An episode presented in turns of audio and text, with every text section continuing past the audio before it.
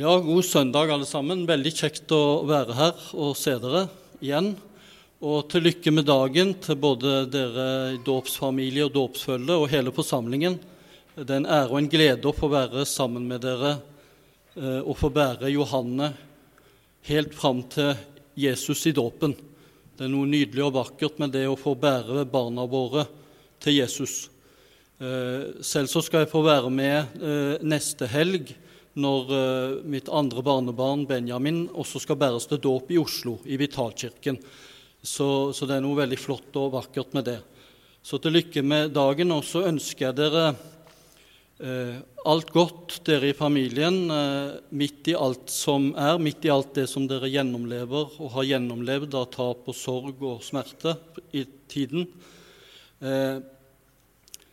og så skal vi nettopp få bære hverandre fram midt i alt som er, eh, helt fram til Jesus, enten det er i dåpen eller når vi ber for hverandre. Eh, så en glede å få være her midt i alt som er.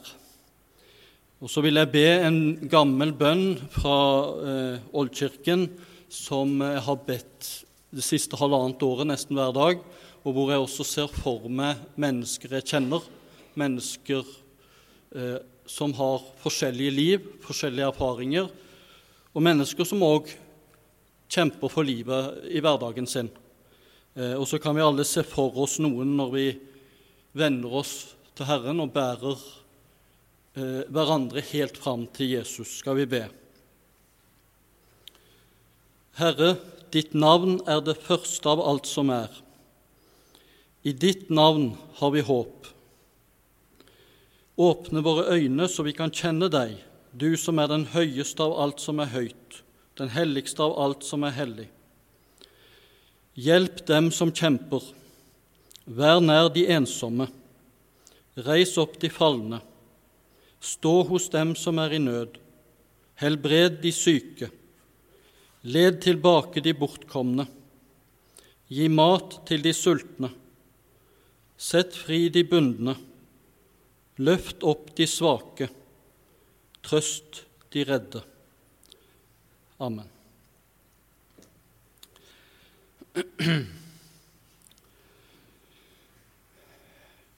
Ja, når vi er samla sånn som dette, så pleier vi alltid i fellesskap å lytte til Jesu ord eller noe som er sagt eller skrevet om Jesus.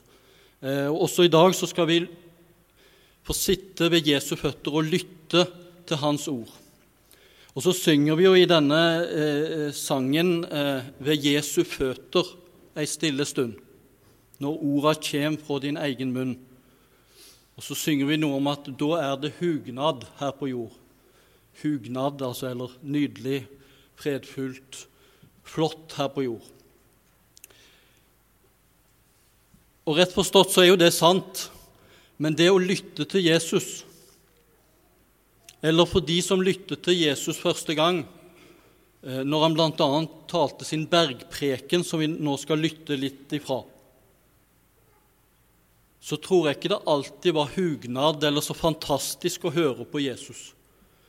Jeg tror de ble både fascinert, overraska, overrumpla, sjokkerte, provoserte og forundra over en del det Jesus kan få seg til å si. Og Kanskje er det sånn for deg òg når du leser din bibel eller er på bedehuset eller i kirke for å lytte til forkynnelse, lytte til Jesu ord, at innimellom så tenker du det der forsto jeg ikke mye av. Eller det der klarer jeg ikke å følge. Det der blir jeg provosert av. Eller jeg kan ikke skjønne at det kan være sånn, eller at Jesus kan mene det i ramme alvor. Og Sånn er det litt med den teksten vi skal høre fra Bergprekenen i dag. Et lite utsnitt. Bergprekenen er jo en forholdsvis lang preken. Det tar ca. 13 minutter og 15 sekunder å lese den. Og så skal vi lese noen vers fra kapittel 5 i Matteusevangeliet, eh, og fra vers eh, 38. Eh, og lytt godt etter, smak på det Jesus sier og kjenn etter eh, hva tanker eh, som kommer opp, hvilke reaksjoner du får. Slik sier Jesus. Dere har hørt det er sagt øye for øye og tann for tann. Men jeg sier dere, sett dere ikke imot den som gjør det onde mot dere. Om noen slår deg på høyre kinn, så vend det andre til. Vil noen føre sak mot deg for å ta din kappe, så la ham også få ta ytterplagget. Om noen tvinger deg til å følge ham én mil, da gå to med ham. Gi til den som ber deg, og vend deg ikke bort fra den som vil låne av deg. Dere har hørt det er sagt, du skal elske din neste og hate din fiende. Men jeg sier dere, elsk deres fiender, velsign dem som forbanner dere, gjør vel imot dem som hater dere og be for dem som forfølger dere, for at dere kan være barn av deres Far i himmelen. For han lar sin sol gå opp over onde og gode, la det regne over rettferdige og urettferdige. Om dere nå elsker dem som elsker dere, hva lønn har dere da? Gjør ikke også tollerne det samme? Og om dere hilser bare på deres brødre, hva stort gjør dere da? Gjør ikke også tollerne det samme? Vær da fullkomne, like som deres himmelske Far er fullkommen.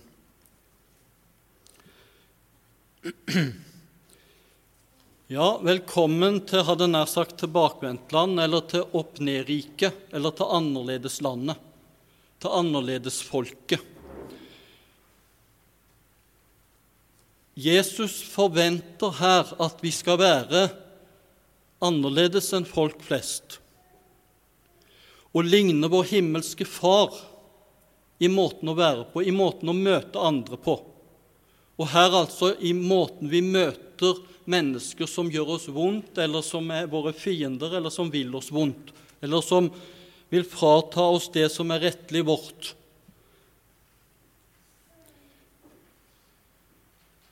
Det er noe underlig med Guds rike, med Jesu rike, med Jesu kongsrike.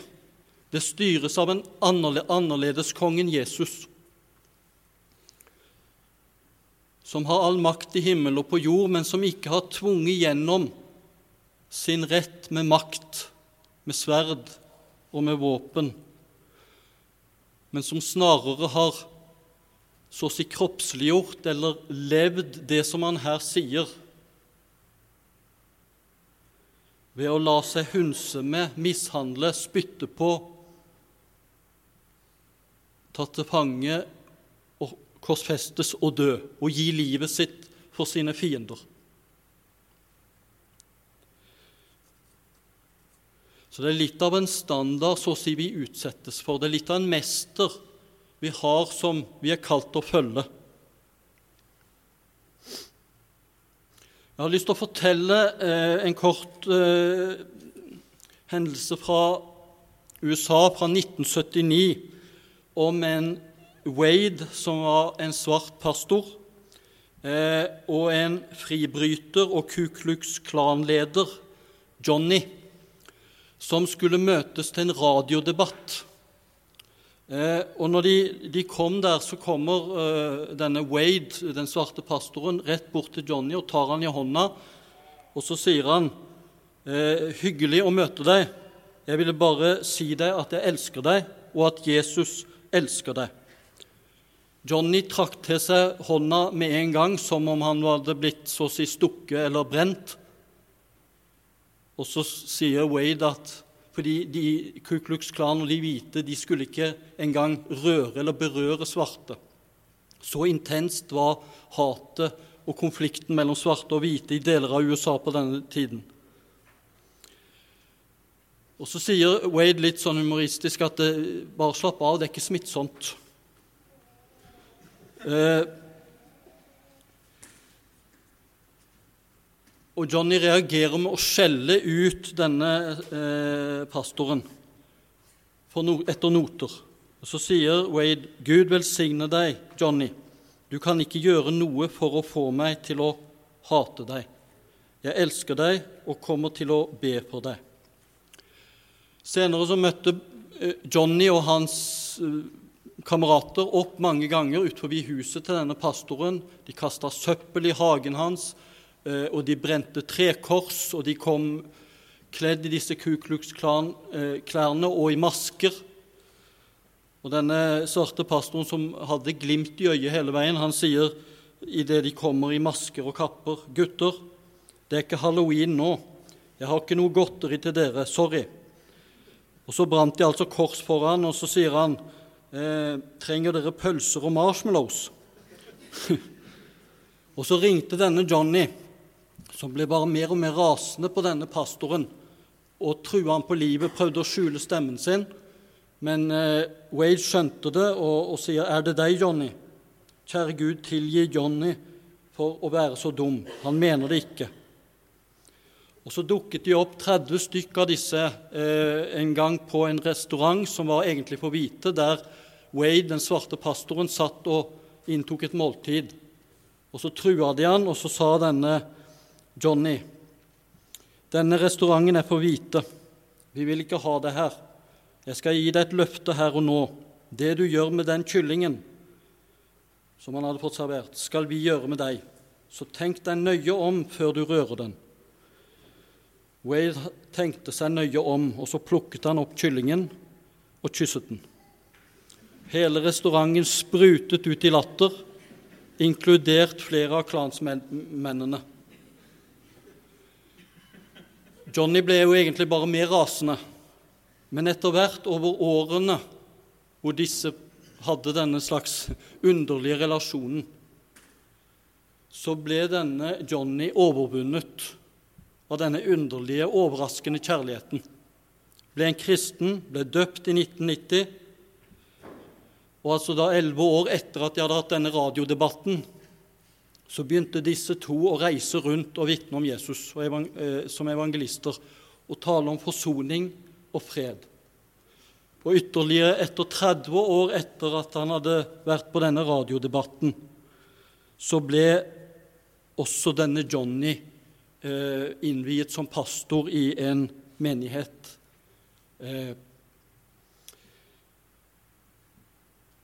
denne overrumplende kjærligheten kan være livsforvandlende. Jesu overrumplende kjærlighet mot oss er livsforvandlende. Er det sånn som i restauranten at nå er det på tide å gå eller gå ned? Må nesten se har jeg stått så lenge allerede.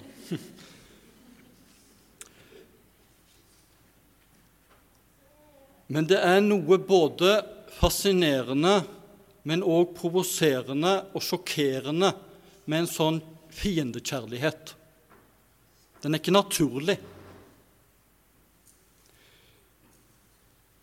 Og så ber Jesus oss altså her i disse ordene, til forskjell fra det dere har hørt øye for øye, tann for tann, som var på en måte et rettsprinsipp, gjengjeldelsesprinsipp, i Moseloven og i de fleste rettssystemer på et eller annet plan, at du skal svare for det du har gjort.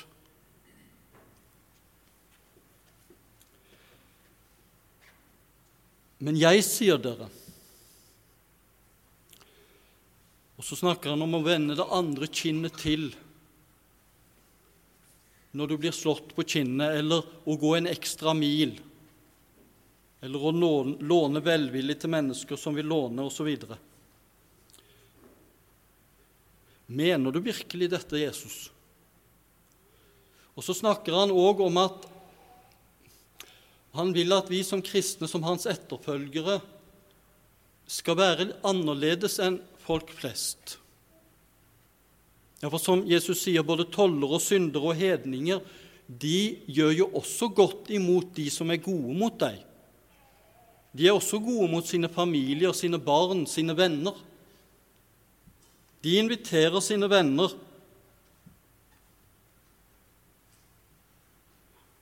Men det skal være annerledes med dere.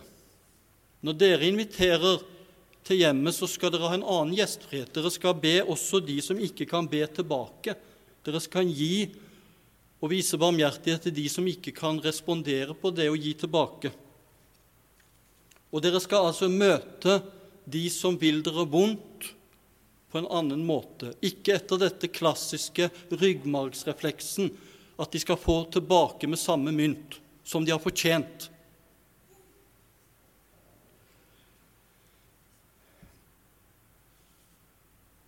Det er ikke vanskelig å elske de elskverdige. Smak på det ordet 'elskverdig'. Altså, det er en som er verdt å elske. Åssen er det med oss kristne og som kristen forsamling, som kristen fellesskap, i møte med mennesker rundt oss? Omgås vi bare de vi trives med, de som gir oss krefter og påfyll, som gjør oss godt? For de trenger vi. Jesus har aldri ment at vi ikke skal bruke tid på de som gjør oss godt, og gjerne også sette grenser for de som tapper oss for krefter. Og allikevel altså, så tar han oss dypere til at han vil at vi skal ligne Han som lar sin sol gå opp over onde og gode, og som lar det regne over onde og gode. Ja, han som, når han ble utskjelt, ikke skjelte igjen. Som Jesus, når han ble tatt til fange, Peter ville stå opp for han, greip sverdet.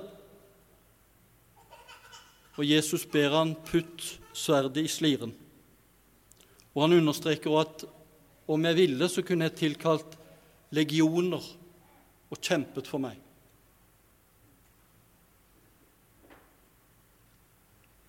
Men skal vi ikke stå opp mot urett i det hele tatt, eller kjempe mot urett? Jo, definitivt.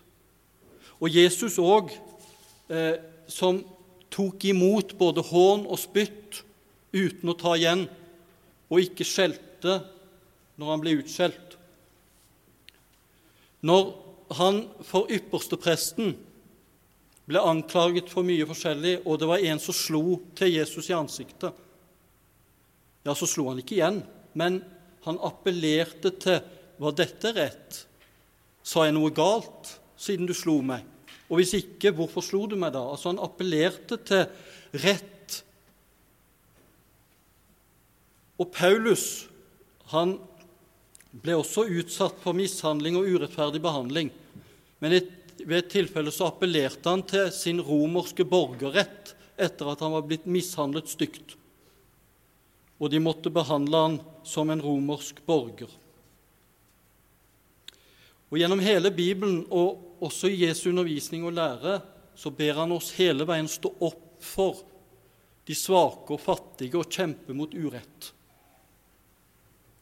Men i opp-ned-riket og annerledesriket så vinner vi ikke over ondskapen med gjengjeldelsesprinsippet. Ikke ved å bare elske de elskverdige eller å være god mot de gode, men også slik som Jesus nettopp F.eks. når han var på korset, så ba han for sine plageånder. Han ba om tilgivelse for dem som plaget ham. Og så elsket han like til det å gi sitt liv til sine fiender. Det understreker Paulus i Romerne 5, at han døde for oss mens vi ennå var syndere, mens vi var fiender. Denne dype og sterke kjærligheten er det den kristne tro formidler, som er både fascinerende, overrumplende og til dels sjokkerende og provoserende. Men som Jesus sier, hva er det å rose dere for at dere tar dere av de som er gode mot dere, familie og venner? Nei, dere skal ligne mer meg i dette. Og så er det en som har sagt, en japaner som har skrevet en roman hvor, hvor han siterer en som sier Christ did not die for the good and beautiful. Jesus døde ikke for de gode og vakre. It is easy enough to die for the good and beautiful. Det er lett nok å dø for de vakre og gode og vakre. The hard thing is to die for the miserable and corrupt. Det vanskelige er å gi livet sitt for de ondskapsfulle, de miserable, de smålige, de ondskapsfulle, de misunnelige, de som lukter vondt, de som vil oss vondt. Hvordan er det med oss i møte med menneskene rundt oss? Dere har hørt det sagt, sier Jesus. Og det første sitatet eh, er fra eh, Bibelen eller fra Det gamle testamentet. Men når Jesus i bergprekenen på en måte kontrasterer hele veien Dere har hørt det sagt, men jeg sier dere så er det ikke det at Jesus kritiserer eller tar et oppgjør med Det gamle testamentet, men han tar et oppgjør med måten de tolket og brukte Det gamle testamentet på. Og dette sitatet som han har, det andre sitatet her i teksten vår med at du skal elske din neste og hate din fiende, det står ikke i vår bibel, i Den hellige skrift i Det gamle testamentet. Men det står i en del av fariseere og skriftlærde og jøders skrifter, bl.a. i det som vi kaller apokryfene, som var i mellomtestamentlig tid. Der står det bl.a. i Siraks bok Se til hvem du gjør godt imot, så skal du få takk for din godhet. En god gjerning mot en gudfryktig skal få sin lønn, om ikke fra ham selv, så fra den høyeste. Den som bare gjør godt, så, nei, den som bare gjør ondt, som aldri gir til de fattige, er ingen velgjerning verd. Gi til den gudfryktige, men hjelp ikke den som gjør urett. Gjør vel mot den ydmyke, men gi ikke til den ugudelige.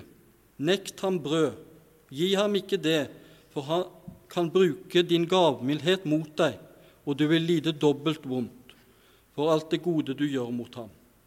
Også den høyeste hater jo syndere og lar ugudelige få sin straff. Gi til den gode, men hjelp ikke den som gjør urett. I medgang merkes ikke hvem som er Nei, det var Gi til den gode, men ikke hjelp den som gjør urett. Dette tar Jesus oppgjør med. For her, og, og, det er mange røster også i vår tid, både politisk og i samfunnsmessig, og også langt inn i de kristne rekker, en tankegang om at på en måte En kan til og med snakke om godhetstyranniet. Altså en, en frykter nesten godheten, for de kan jo utnytte godheten vår. Og så kan det selvfølgelig være noe sannheter i det. Bevarer meg vel. Ondskapen benytter seg gjerne òg av godhet og barmhjertighet. Men so what er på en måte nesten Jesu respons. For han elsker hvert eneste menneske som er skapt i hans bilde, og som han har elsket like til det å gi livet sitt for. Den kjærligheten Jesus appellerer oss til å elske vår neste og fiende med, det må ikke forveksles med eh, den, dette som vi fort assosierer det med dette med å ha gode følelser for, eller varme følelser for. Eh, Martin Luther King, som også var venn for øvrig med denne pastor eh, Wade, han har sagt en del om hvordan utøve ikke-voldelig motstand mot urett og mot fiender. Og Han sier noe at Jesus forventer ikke at vi skal ha gode følelser og varme følelser for våre fiender. Det er ikke naturlig. Og Da sier han at gresken kan hjelpe oss, for der opererer en ikke bare med ett ord for kjærlighet, men iallfall tre. Eros, som handler om mer denne romantiske, gjerne erotiske kjærligheten, og filei, som handler om vennekjærlighet, den som gjør at den som setter pris på hverandre og blir glad i hverandre for en grunn, altså elskverdige, så å si. Men så er det altså agape. Det er denne kjærligheten som Jesus har elsket oss med, den ubetingede, den som elsker bare fordi du er en Guds skapning, et menneske. Det er den kjærligheten, og den er ikke først og fremst følelsesstyrt eller handler om følelser, men den er handlingsstyrt. Den gjør det som trengs. Den elsker ikke med å brette ut følelseslivet, men å brette opp armene og gjøre det som den trenger, som trenger å elskes. Den som roper etter å elske meg, og elske meg mest når jeg fortjener det minst.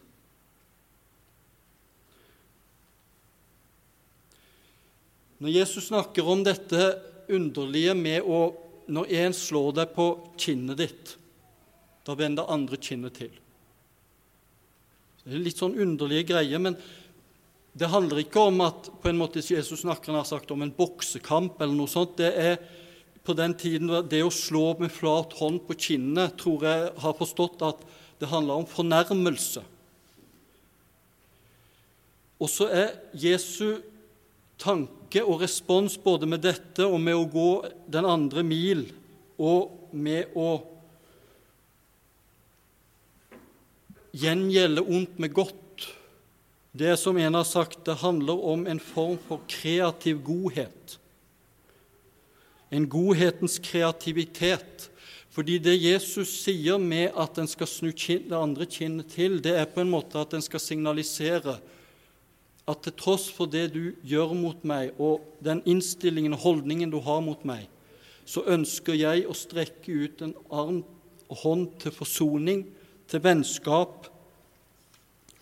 Eh, og Der er det også interessant å, å, å, lese om Martin Luther King, som kjempet for ikke-voldsfilosofi og elske fiendene, elske de hvite som hatet de svarte, elske Ku Klux Klan.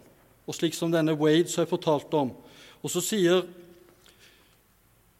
Martin Luther King noe om målet med dette. Vårt mål må aldri være å påføre den hvite manns nederlag eller ydmykelse, men å vinne hans vennskap og forståelse. Vi må se at det målet vi søker, er et samfunn i fred med seg selv, et samfunn som kan leve med sin egen samvittighet. Og det vil bli en dag som ikke tilhører det hvite mennesket eh, og heller ikke det svarte mennesket. Det vil bli en dag for mennesket som menneske. Altså din fiende eller den som gjør vondt mot deg, et menneske som deg. Og ved å gjengjelde ondt med godt, ved å vende det andre kinnet til, gå en annen mil, så sier du egentlig at til tross for din innstilling så ønsker jeg å være din venn. Jeg ønsker en relasjon til deg. Og det selv om en sånn som Martin Luther King, og sånn som også egentlig Jesus og Paulus, kjempet mot urett. Og det er ikke en passiv motstand, det er en aktiv motstand, men ikke voldelig. Den insisterende. Den insisterer på at denne urett kan vi ikke ha i samfunnet vårt. Også i kristen sammenheng og forsamlinger så skal vi ikke tåle urett iblant oss. Vi skal gjerne stå opp for de som har opplevd urett og krenkelser.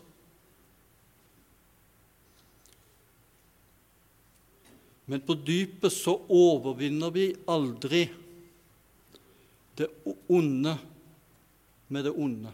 Det er ikke slik at med ondt skal ondt fordrives. Snarere så skal det onde fordrives med godhet. Det er Guds underlige opp-ned-vei.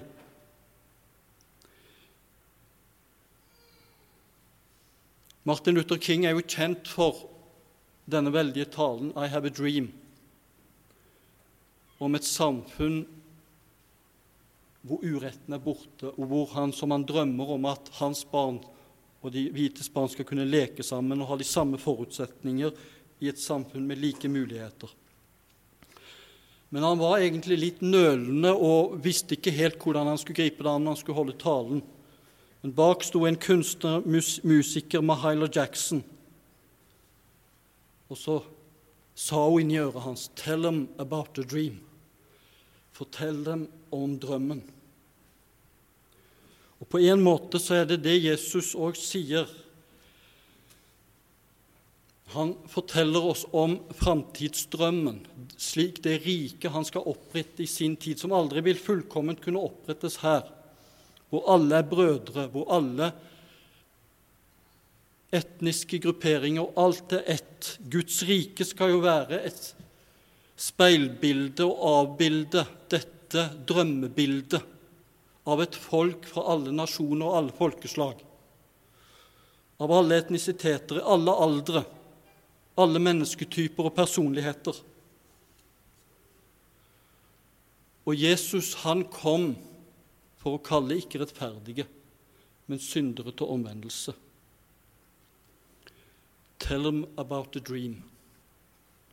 Og så talte Martin Luther King den berømte talen som gjorde slik inntrykk. Men på et enda dypere plan som vi kristne òg Paulus har sin variant av det. Mal Kristus korsfestet for våre øyne. For på en måte så utsettes vi for en standard her som vi føler vi ikke kan leve opp til i bergprekenen. Vær da fullkomne liksom deres himmelske Far er fullkommen. Og en kan miste pusten av mindre. Men hvis vi hører godt etter, så tegner Jesus samtidig et bilde av sin himmelske Far, og etter hvert med sitt eget liv av seg selv som den elskende. Og det er vårt alles håp og trøst. Midt i det livet vi lever, midt i de kamper vi kjemper, med de synder vi er svake for, de fristelser vi har, de fall og nederlag som vi har, så tegner altså Jesus, samtidig som han tilskynder oss og formaner oss til å leve etter denne standarden, så tegner han jo egentlig et bilde av en barmhjertig, god, elskende far. Og av seg selv så sier han jo også når han viser sine sår, se hvor jeg elsker dere. Jeg har elsket dere like til døden. Så har han elsket oss først. Og Sånn er det alltid i Guds rike og i Kristi forsamling og for oss som følger Kristus. Det begynner alltid hos Gud. Det begynner alltid i Hans kjærlighet. Han har elsket oss først, og derfor elsker vi. Jeg tror jeg har lest og det diktet, og det har jeg lyst til å lese til slutt, eh, Søren Kirkegård, som har Hvis ikke jeg har tulla det bort her i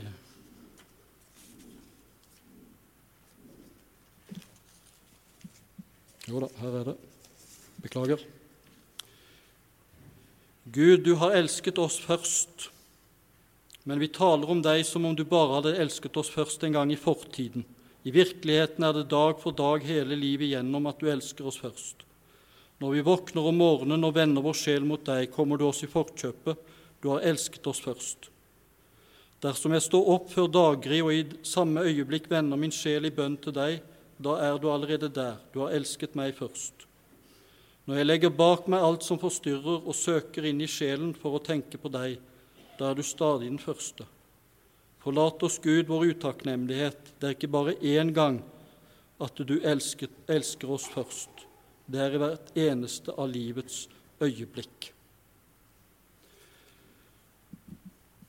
Så lever vi her i fellesskapet, hverdagslivet, som Jesu etterfølgere, med denne høye standarden Elsk dine fiender.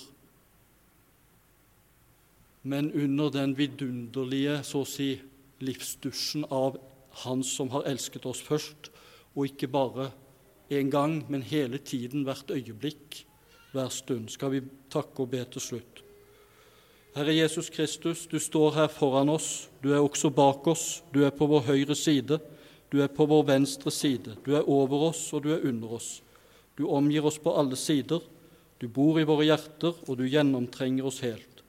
Og du elsker oss, Herre Jesus. Takk og lov for det. Amen.